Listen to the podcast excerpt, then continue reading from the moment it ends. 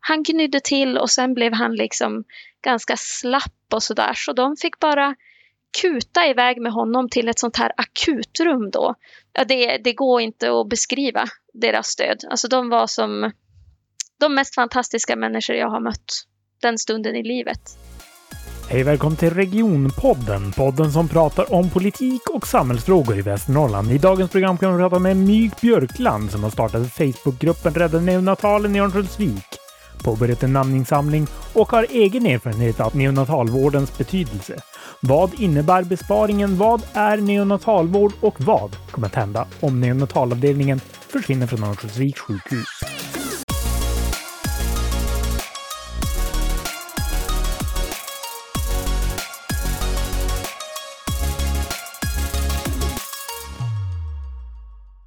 En, En, två, två, tre. Tre, klapp. Ljudet du just hörde var ett synkningsljud för ljudspår, för idag så spelar jag in hemma i gästrummet i Undrom, Sollefteå kommun. Och var sitter du och spelar in My? Jag sitter också i vårat gästrum hemma i Örnsköldsvik i Domsjö. Precis, för idag så spelar vi in på distans via telefon, fast med separata lokala inspelningar varpå det kan bli lite skillnad i ljud. Det kan komma in lite barnljud. Det, det kan helt enkelt vara lite grann som livet. Och det gör vi då med tanke på att liksom få ihop livspusslet också och li lite grann med tanke på corona. Men eh, hur är det med dig idag, My? Ja, men det är bra. Eh, Jag har precis eh, lämnat över i vab-sjukstugan här till min sambo som har kommit hem från jobbet. Så jag har vabbat eh, snorigt, eh, eh fullt ös medvetslös, eh, snart tvååring idag. Men eh, med mig är det bra. Det var tur. Mm. Idag ska vi prata om besparingsförslaget eh, som eh, Region Västernorrlands tjänstepersoner har lagt fram. Men vi ska inte prata om hela det förslaget, utan vi ska koncentrera oss på den del av förslaget som innebär nedläggning av neonatalavdelning i Örnsköldsviks sjukhus. Vad kan du berätta om det förslaget? Ja, det jag har läst om det förslaget, det är ju att vid avveckling av de här, det finns två neonatalplatser på Örnsköldsviks sjukhus. Vi, båda de skulle då enligt förslaget avvecklas och neonatala spädbarn skulle då i så fall få vård på Sundsvalls sjukhus istället, alltså transporteras till Sundsvalls sjukhus. Det är den information jag har kunnat läsa mig till om sparförslaget just gällande neonatalplatserna. Den summa som de beräknar kunna bespara på det här är 3,2 miljoner. Som, det är liksom den summan som står i underlaget, men då har de slagit ihop nedläggning av barnavdelning i Sollefteå med två vårdplatser och två vårdplatser på neonatalavdelningen i Övik. Och det, det är lite konstigt egentligen, för jag, jag tycker ju att i underlaget så står det att man ska reducera med två vårdplatser. Och då, då låter det lite grann så här som att okej, okay, de kanske har 50 vårdplatser. Ja, men då går de ner till 48. Men det är ju alltså två av två. Så det är ju, det är ju en nedläggning. Jag tycker det är så tråkigt att det inte står det. Det hade varit mycket, mycket tydligare.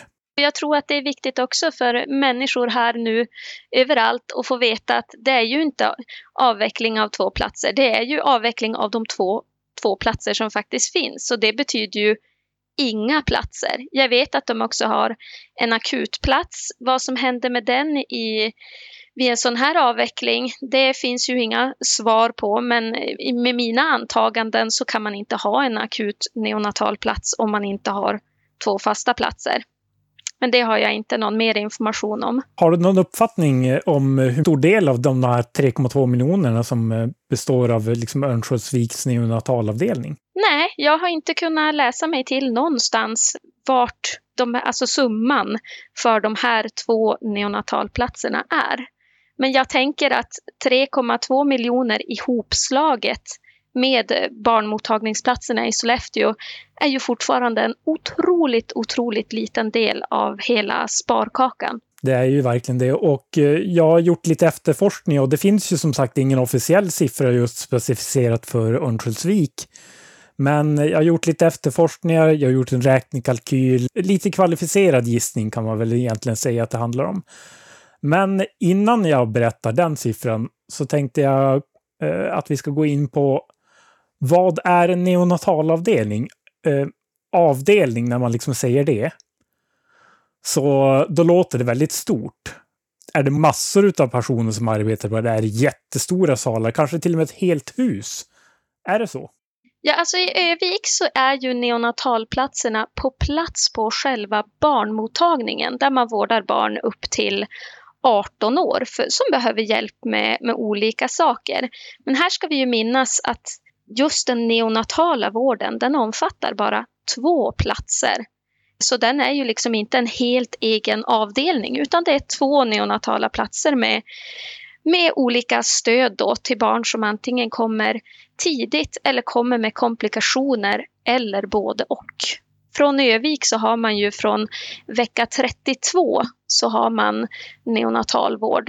Eh, innan det så är man 28 till 32 i Sundsvall och ja, ännu tidigare då får man vårdas upp i Umeå. Det är ju eh, samma personal egentligen som jobbar på både vårdavdelningen och eh, det är liksom de neonatala platserna så att de, de liksom roterar i tjänstgöring. Lite grann så, så kan man utav underlaget utläsa att det kanske handlar om någon form av statistik som baserar sig på beläggningsgrad. För att det nämner man till exempel i, i när man pratar om Sollefteå barnavdelning. Man gör det inte om neonatalavdelningen i Övik, men och då, då, säger man till exempel att Sollefteå barnavdelning har bara en beläggning på 30 procent. Och då, då blir vi ju lite grann så här provocerad utav det. Så att det, jag, jag tänkte bara kolla lite grann. När, när du var på neonatalavdelningen, var det massor av personalen som stod och fikade och såg helt sysslolösa ut? Inte alls. Eh, det finns inte spår av det. De jobbar eh, hela tiden. De finns ständigt tillgängliga. Bara jag var där, vi var inskrivna i två veckor, men första veckan så var vi då på plats på neonatala och det, de fanns alltid tillgängliga. Man tryckte på en knapp, de kom in. Där i början så var det ju ännu, ännu mer övervakning av vårt barn den här allra första tiden och sen stödet i hur ska vi ta hand om det här barnet som föräldrar. Så eh, något sitta och rulla tummar har jag inte sett skymten av. De har fullt upp, ska hela tiden vara beredd också ifall det kommer ett larm från förlossningen att rusa ner och ta med barn till akutrum och så vidare lite grann för att en sån här ekvation ska gå ihop när man säger att det är så låg beläggning så att vi måste lägga ner. Då, då bygger ju det på en kalkyl att man egentligen säger att när de inte har barn på neonatalen, då sitter de och fikar. Och det stämmer ju inte alls överens med verkligheten, utan att har de inte barn på neonatalen, då jobbar de på barnavdelningen, de jobbar kanske på akuten, de jobbar på IVA.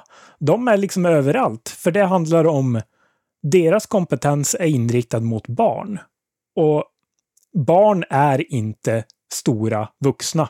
Det krävs speciellt handlag. Även om det liksom skulle komma in ett barn på akuten så kanske det behöver just deras kompetens. Så det är ju alltså någonting som också skulle kunna försvinna. Det är ju också det att de stöttar upp till exempel i väntan på Umeås team så kan ju de behöva lägga in ett barn i respirator till exempel. De har även sån transport för neonatala barn i transportkuvös mellan sjukhusen. Så att det är ju också en, en vård som är på vägarna så att säga. Den är ju inte bara specifikt eh, platsbunden heller, utan de är ju liksom överallt. Och ser man liksom på det här, den problematiken också så kommer det ju även innebära att om det här förslaget skulle gå igenom så blir det ju alltså helt beroende utav att team kommer ifrån Umeå ifall ett barn skulle behöva fraktas dit? Ja, jag, jag, kan, jag kan som inte svara på det, för jag vet faktiskt inte hur det i praktiken skulle, skulle bli. Här kan vi ju spekulera i hur det skulle kunna bli. Jag vet i alla fall att när eh, Sollefteå hade ju ingen neonatalavdelning, men ibland så kom det ju ändå så att det, det föddes neon, eller barn för tidigt i Sollefteå på Sollefteå BB som sedan liksom behövde transporteras till Sundsvall och då var det ett team ifrån Sundsvall som fick köra upp till Sollefteå för att ta med sig barnet tillbaka. Nej, jag känner bara i många av de här fallen så kan jag, jag är ingen läkare, men jag kan tänka mig att det är riktigt, riktigt bråttom när det här ska ske. Så då blir man ju bara frustrerad när man tänker på hur det skulle kunna bli. Man får ju lite grann skillnad på akut vård och eh, liksom eftervård. Mycket av neonatalen vården handlar ju om liksom vad som händer efteråt. Men det är fortfarande så att du måste transportera ett barn som kanske är i ett, i ett dåligt skick. Och vill man verkligen börja livet på det sättet? Eller vill man att ett barn ska börja livet på det sättet? Att åka ambulans? Nej, eh, jag tänker också på om jag själv sätter mig in liksom känslomässigt i situationen att vid den omtumlande tiden i livet också separeras. Jag som moder kanske behöver eftervård eh, på mitt sjukhus, Öviks sjukhus. Barnet skickas iväg med ambulans direkt till Sundsvalls sjukhus. Man kanske inte ens har hunnit träffa sitt egna barn om det är riktigt illa med barnet. Och det känns bara bedrövligt. Man måste ju också komma ihåg i den här ekvationen att eh, det kommer på något sätt handla om eh, att tröskeln för, för vad som vi kan ta emot i övrigt kommer att sjunka. Och det är, ju, det är ju långt ifrån alla barn som eh, teoretiskt liksom hamnar i den gruppen som, behöver, som kan behöva neonatalvård som faktiskt egentligen behöver det. Utan det är ju många, många i den gruppen som klarar av en normal förlossning och klarar av att hamna på BB, behöver inte den kompetensen, men om det skulle behövas så, så finns den där. Och de kommer ju också behöva åka till Sundsvall. Ja, jag tänker också att det handlar ju om vad sänder man ut för signaler om vad det är för plats att eh, bo på? Vill man, vill man hemvända till Övik? Vill man flytta till Övik eller vill man bo kvar i Övik vid familjebildande? Det är i alla fall en fråga som jag ställer mig. Och det, det är ju också en uh, fråga i, eh, när man ser till befolkningsutveckling. Det, det, finns ju alltså en problematik i att kvinnor och familjer har en rädsla för att kanske skaffa barn. Ja, jag tror ju att det här inte det inte är till godo för, för sådana tankar för människor som kanske tänkt att i, ja, men i den här staden vill jag bo. Eller vi ska inte glömma alla utanför Övik som har Övik som närmaste sjukhus om någonting händer. De får ju då åka ännu längre. Eller vart ska de ta vägen?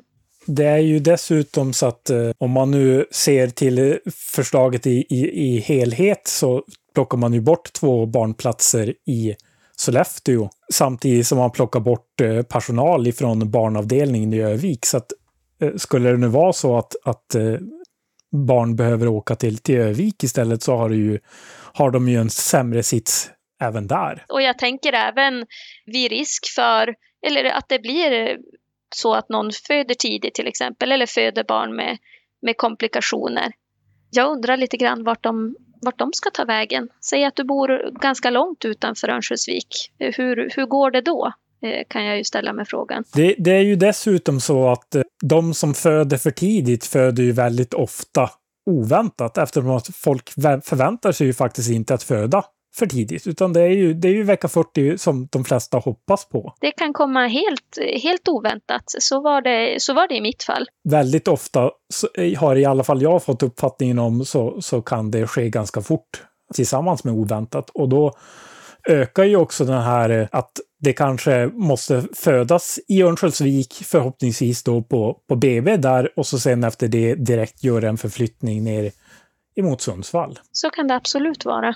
Då eh, kan vi gå tillbaka till de här siffrorna som jag utlovade om eh, vad det är för besparing vi pratar om. Ja, men precis. Och då är det ju alltså 3,2 miljoner som man tänker spara på hela den där och det, det är fyra vårdplatser. Men det blir ju en väldigt svår bild att uh, lägga ihop. Men den siffra jag i alla fall kommit fram till är att det rör sig någonstans mellan 1,4 till 1,2 miljoner för Örnsköldsviks neonatal. Om man nu ställer den i relation till Region Västernorrlands totala budget på 10 miljarder så blir det alltså 0,012 procent. Och detta gick alltså inte att hitta någonstans annars i hela den budgeten. Känns det rimligt? Ja, fruktansvärt upprörande. Alltså jag, ja, jag, eh, jag är både besviken och, och arg faktiskt. Den här lilla, lilla delen som potentiellt då, om det spar förslaget går igenom, en sån liten, liten del så vi, riskerar man potentiellt livet på de allra minsta, allra sköraste. Och det hoppas jag att beslutsfattare ställer sig frågan om det är någonting som man verkligen vill göra, som man har tänkt igenom. Vi har eh, pratat om eh, vad det här förslaget kommer att innebära rent ekonomiskt och allt sånt där. Men jag tänkte att vi ska gå in lite grann nu på att prata om din upplevelse av neonatalavdelningen. Berätta, vad var det som hände som gjorde att du behövde neonatalavdelningen? Hur gick det till? Ja, eh, jag fick, eh, som man kallar en spontan vattenavgång i vecka 36 plus 1. Och då fick jag komma in för undersökningar och så. Och Eh, väl på själva BB så gick vattnet eh, totalt. Och då blev jag eh, inlagd på förlossningen då. Och nästa dag så föddes våran son på eftermiddagen, Cornelis. Och när han föddes så var han inte pigg. Jag var ju överlycklig över att jag skulle få föda mitt barn. Även om det var tidigt så visste jag inte riktigt vad som skulle hända. Men när han kom ut så var han inte pigg. Han gnydde till och sen blev han liksom ganska slapp och sådär. Så de fick bara kuta iväg med honom till ett sånt här akutrum då. De larmade inne i förlossningssalen och hela det här neonatalteamet, förlossningsläkaren var redan inne men barnläkare kom och tog med honom till ett akutrum där han fick andas mot motstånd för att få igång liksom sin egna andning helt och hållet. Eh, och därifrån tillbaka till mig som fortfarande var liksom helt i chock eh, fick han ligga hos mig i några minuter och så sen direkt upp med honom på neonatalavdelningen.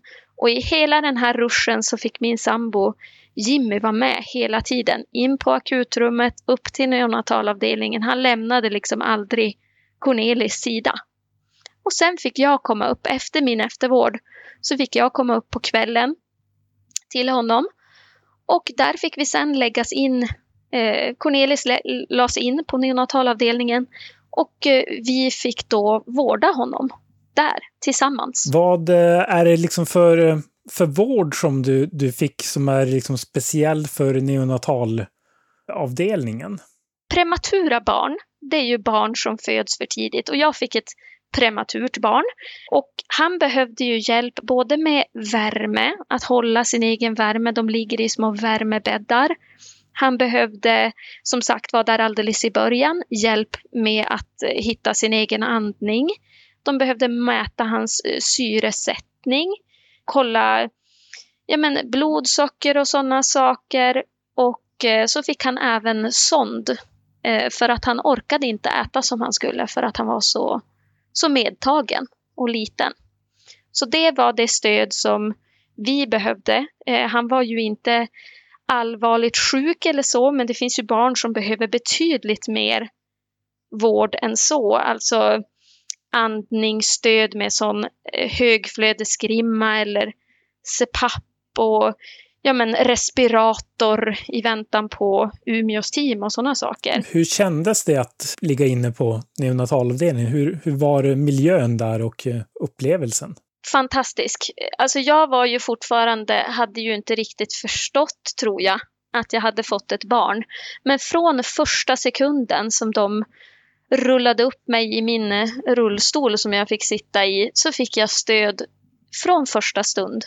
Eh, stöd att eh, ja, men ta honom till bröstet, stöd att försöka amma. Det var konstant personal som fanns där för oss som också gick igenom så här, det här, det här har hänt, så här länge tror vi att ni ska behöva vara här.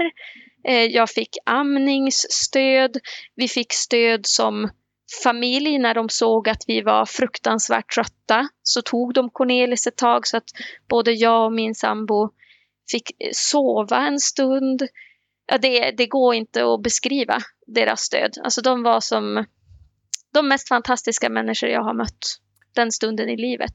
Ett, liksom bara ett knapptryck bort också sen när vi började bli lite mer självständiga. Det fanns även möjlighet att eh, kanske då komma in tillfälligt för att ja, få, få någon, någon typ av stöd även efter att ni hade blivit utskrivna. Man blir ju permitterad så att eh, vi var där från eh, 13 december och så ungefär eh, ja, men ungefär en 9-10 dagar. Sen blev vi permitterade för då såg de att det här, det här fixar ni men vi finns här konstant. De var liksom en telefonsignal dygnet runt borta och så får vi ju in täta kontroller för att kolla hans viktuppgång och eh, se vad vi behövde för stöd och sådär. Så att de fanns ju där även efter man hade liksom permitterats.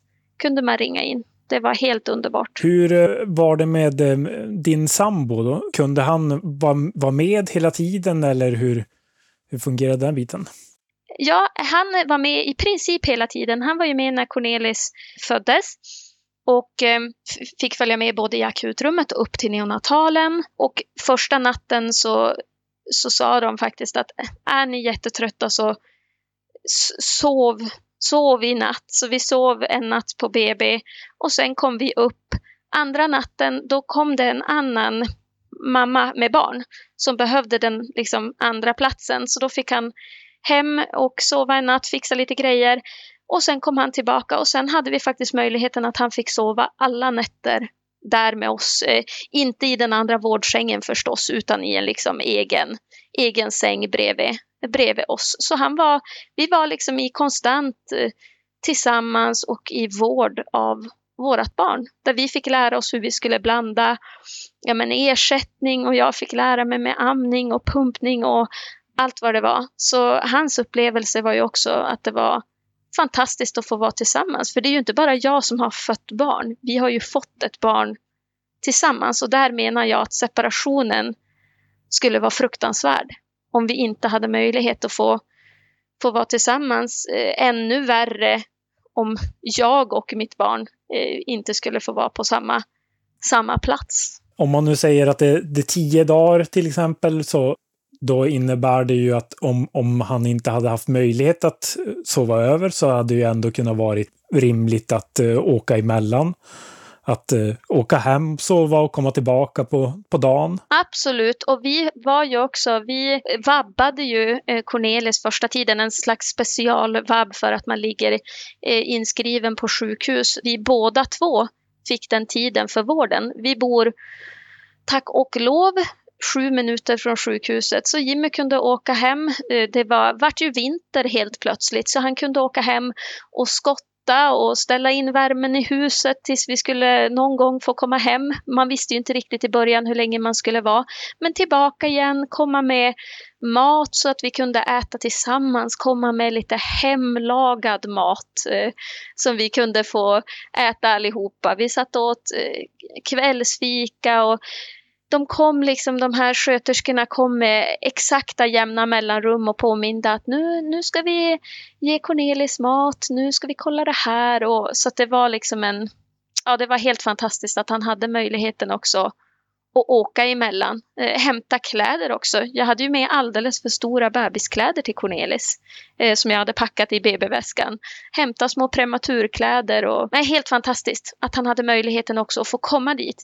Jag kan inte tänka, alltså jag vet ju vad som skulle ha hänt ifall jag låg i Sundsvall.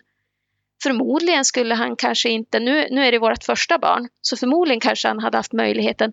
Men jag kan tänka mig familjer med fler barn. Hur gör de en sån gång?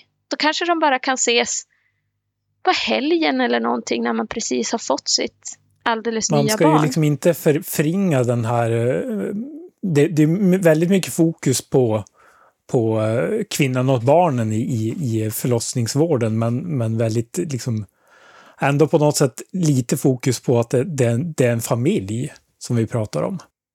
Alltså det var ju som när jag låg kvar Eh, där nere, alltså på förlossningen när han precis hade fötts.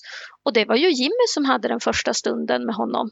Där var jag liksom kvar där nere och det var han. Det var han som satt med honom innanför sjukhusskjortan när jag kom upp på kvällen. Nu för tiden så vet man att det är viktigt med sån här hud mot hud. Eh, det betyder att man lägger barnet mot sin egna hud och på så sätt så stabiliseras vissa värden och så när den känner att den är nära eh, sin mamma eller pappa. Så där satt ju han med Cornelis. Han är ju lika stor del i det här som jag.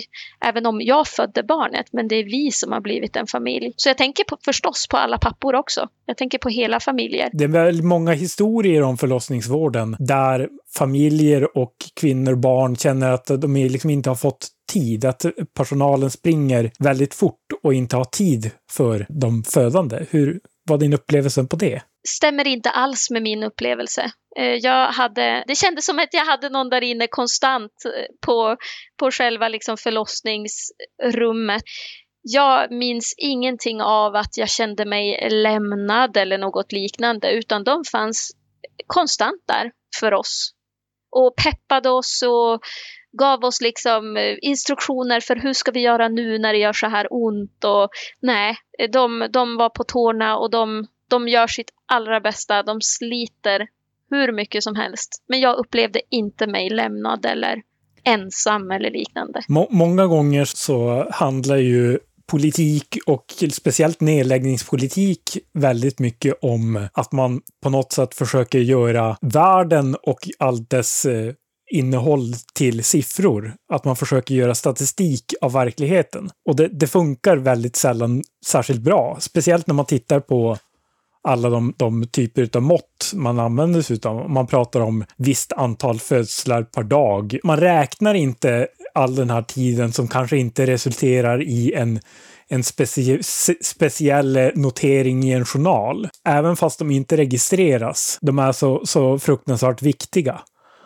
Bara den här känslan utav att man känner att det finns möjlighet att om det här skulle bli värre så kan man åka in. Eh, dels så kan ju det här innebära att man kanske inte blir permitterad lika fort. Eh, just på grund av att eh, om man bor sju minuter ifrån från eh, sjukhuset, skulle det bli någonting som är, blir sämre så kan man komma in fort. Men bor man två timmar ifrån sjukhuset, då blir tröskeln för det högre. Jag tror att väldigt många barns liv har eh, räddats av att en förälder har haft en eh, en väldigt diffus känsla av att någonting är fel. Då med en närhet till sjukvård, att, att man tar med sig barnet till, till sjukhus och kollar, är det verkligen, ska det verkligen vara så här? Medan om man kanske bor två eller tre timmar, då tänker man kanske där mitt i natten att jag kanske kan vänta några timmar till. Det känns ju väldigt riskfyllt. Och det vet jag ju inte heller om de har tagit med nu i sina beräkningar av det här så att säga det är, det är ju svårmätbart men det är ju stora risker och det är ju, jag tror i alla fall att det potentiellt hänger, hänger liv på, i, i det här. Och det känns ju också eh, riktigt läskigt att tänka på eh, om vi får fler barn. Har man fött tidigt en gång så kan det vara så att nästa barn också kommer tidigt. Just oron innan också och tänka på vart skulle vi i så fall ta vägen? Hur kommer det bli? Det känns, eh, ja, det känns eh, faktiskt riktigt obehagligt att tänka på. Jag tänkte att vi ska gå in på den, den frågan nu. Alltså vad, vad skulle innebära om det här förslaget skulle gå igenom? Om, om vi liksom tittar på din egen upplevelse så finns det ju kanske en möjlighet att barnet redan, redan innan du var färdigbehandlad var tvungen att skickas till Sundsvall då med din sambo. Ja, så skulle det ju ha blivit. Jag var ju tvungen att ligga kvar på, på eftervård.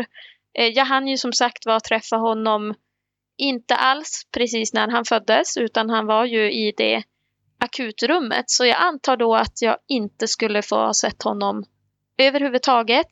Jimmy och Cornelis in i någon form av Cornelis förmodligen med något team i ambulans och Jimmy bakom.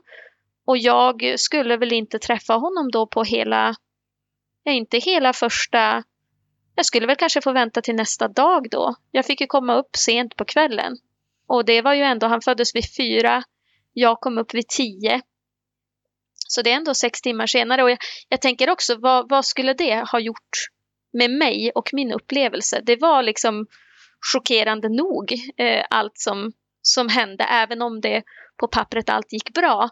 Men att han dessutom, han var ju bara en våning upp för mig då. Men att han skulle vara i en annan stad. Eh, ja, jag, jag, har väldigt, jag blir väldigt upprörd när jag försöker sätta mig in i den tanken. Och för Jimmy också. helt nybliven pappa bakom någon slags ambulans och inte veta kanske hur, hur barnet mår. Och sen sitta själv där. Vi skulle ju vara helt, helt separerade. Så att det, nej, det gör mig otroligt upprörd. Jag kan inte sätta mig in i det ens.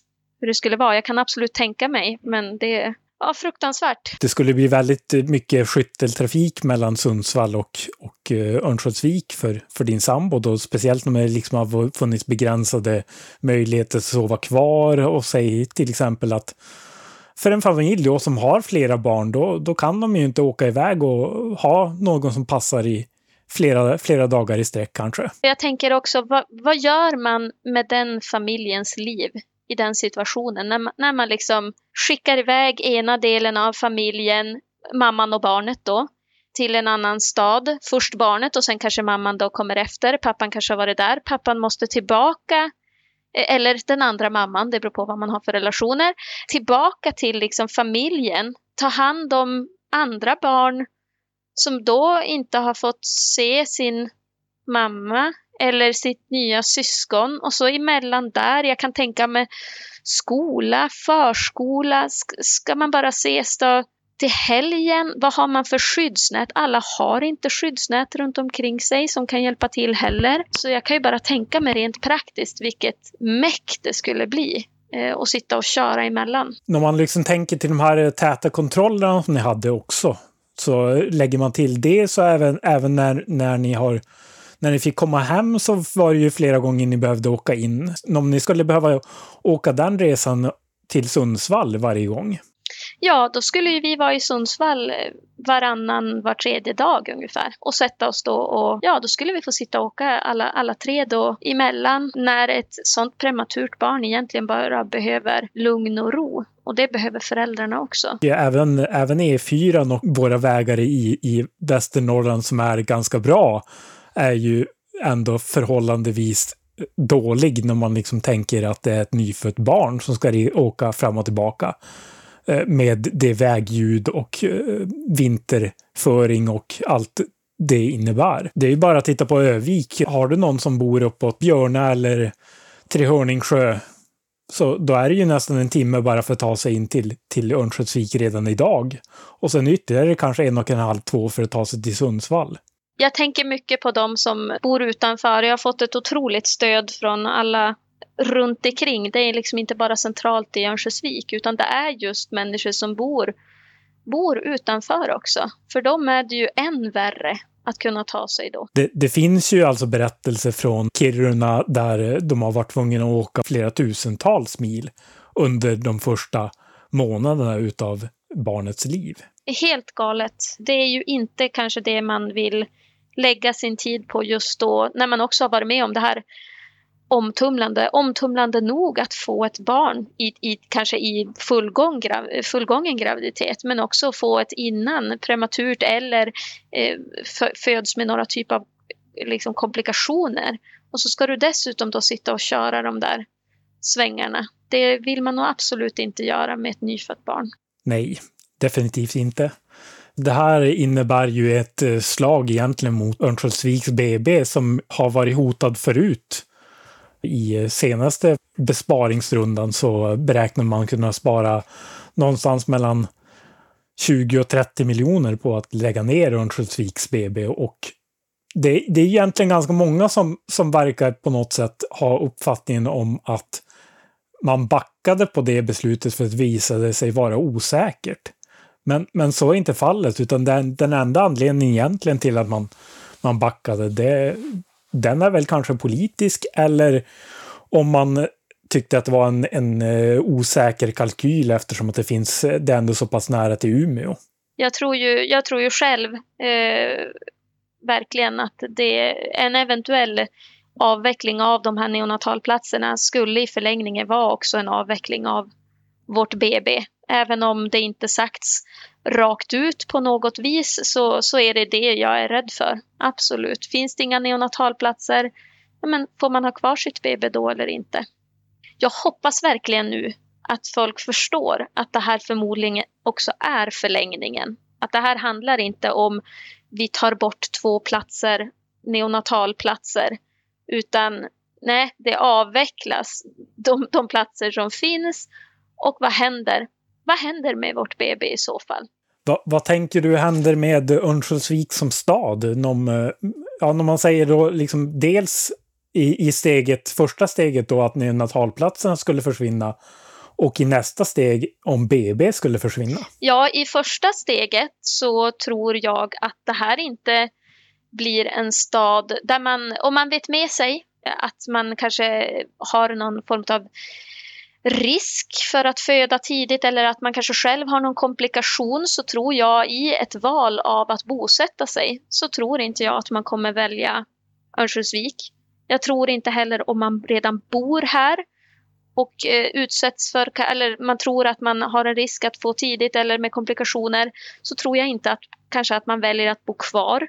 Och jag tror människor som funderar på att hemvända, man kanske har flyttat söderut men vill vända hem för familjebildande, så tror inte jag heller att man kanske väljer väljer Övik ifall man har eh, risk eller komplikationer. Men i förlängningen finns det inget BB här. Hur ser det ut? Hur ser det ut med industrierna? Vi är en stor industristad. När de rekryterar sina medarbetare, när man tittar på vill vi bo i den här staden? Har en komplett vård? Hur ser det ut ifall vi vill skaffa barn? Nähä, nej, de har inte, de har inte BB kvar. Nej, men vi tar inte Övik. Jag tror, jag tror faktiskt att det kan bli så. Jag tror att man kan välja bort Örnsköldsvik som stad att bo i och det gör mig bedrövad.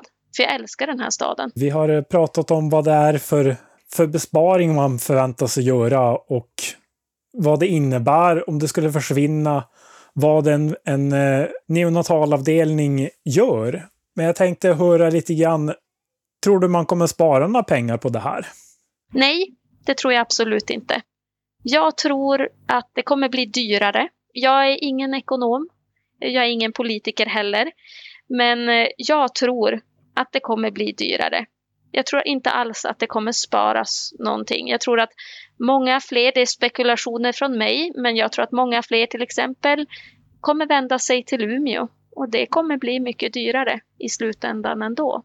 Så jag tror inte att man sparar någonting och jag tror definitivt att man potentiellt riskerar mycket med de här minsta och sköraste barnen. Om du skulle ta och sammanfatta en liten kort mening om vad, vad, du vill säga till de som nu sitter och bestämmer det här, skulle det vara? Då skulle det vara, jag skulle först vilja påminna dem om att Eh, FNs barnkonvention är svensk lag sedan 1 januari 2020 och det är att barnets rättigheter ska beaktas vid avvägningar och bedömningar som görs i beslutsprocesser och mål och ärenden som rör barn. Och då vill jag säga Ta aldrig ett sparbeslut som riskerar livet på våra minsta och sköraste spädbarn. Jag hoppas såklart att det här absolut inte kommer att gå igenom. Eh, och jag var jätteglad för att jag fick gästa den här podcasten och berätta min syn på saken. Och med de avslutande orden får jag säga tack så hemskt mycket för att du var med. Och till Regionpoddens lyssnare får vi säga att vi hörs igen i nästa avsnitt. Tack så mycket! Ha det gott! Hej då! Hej då!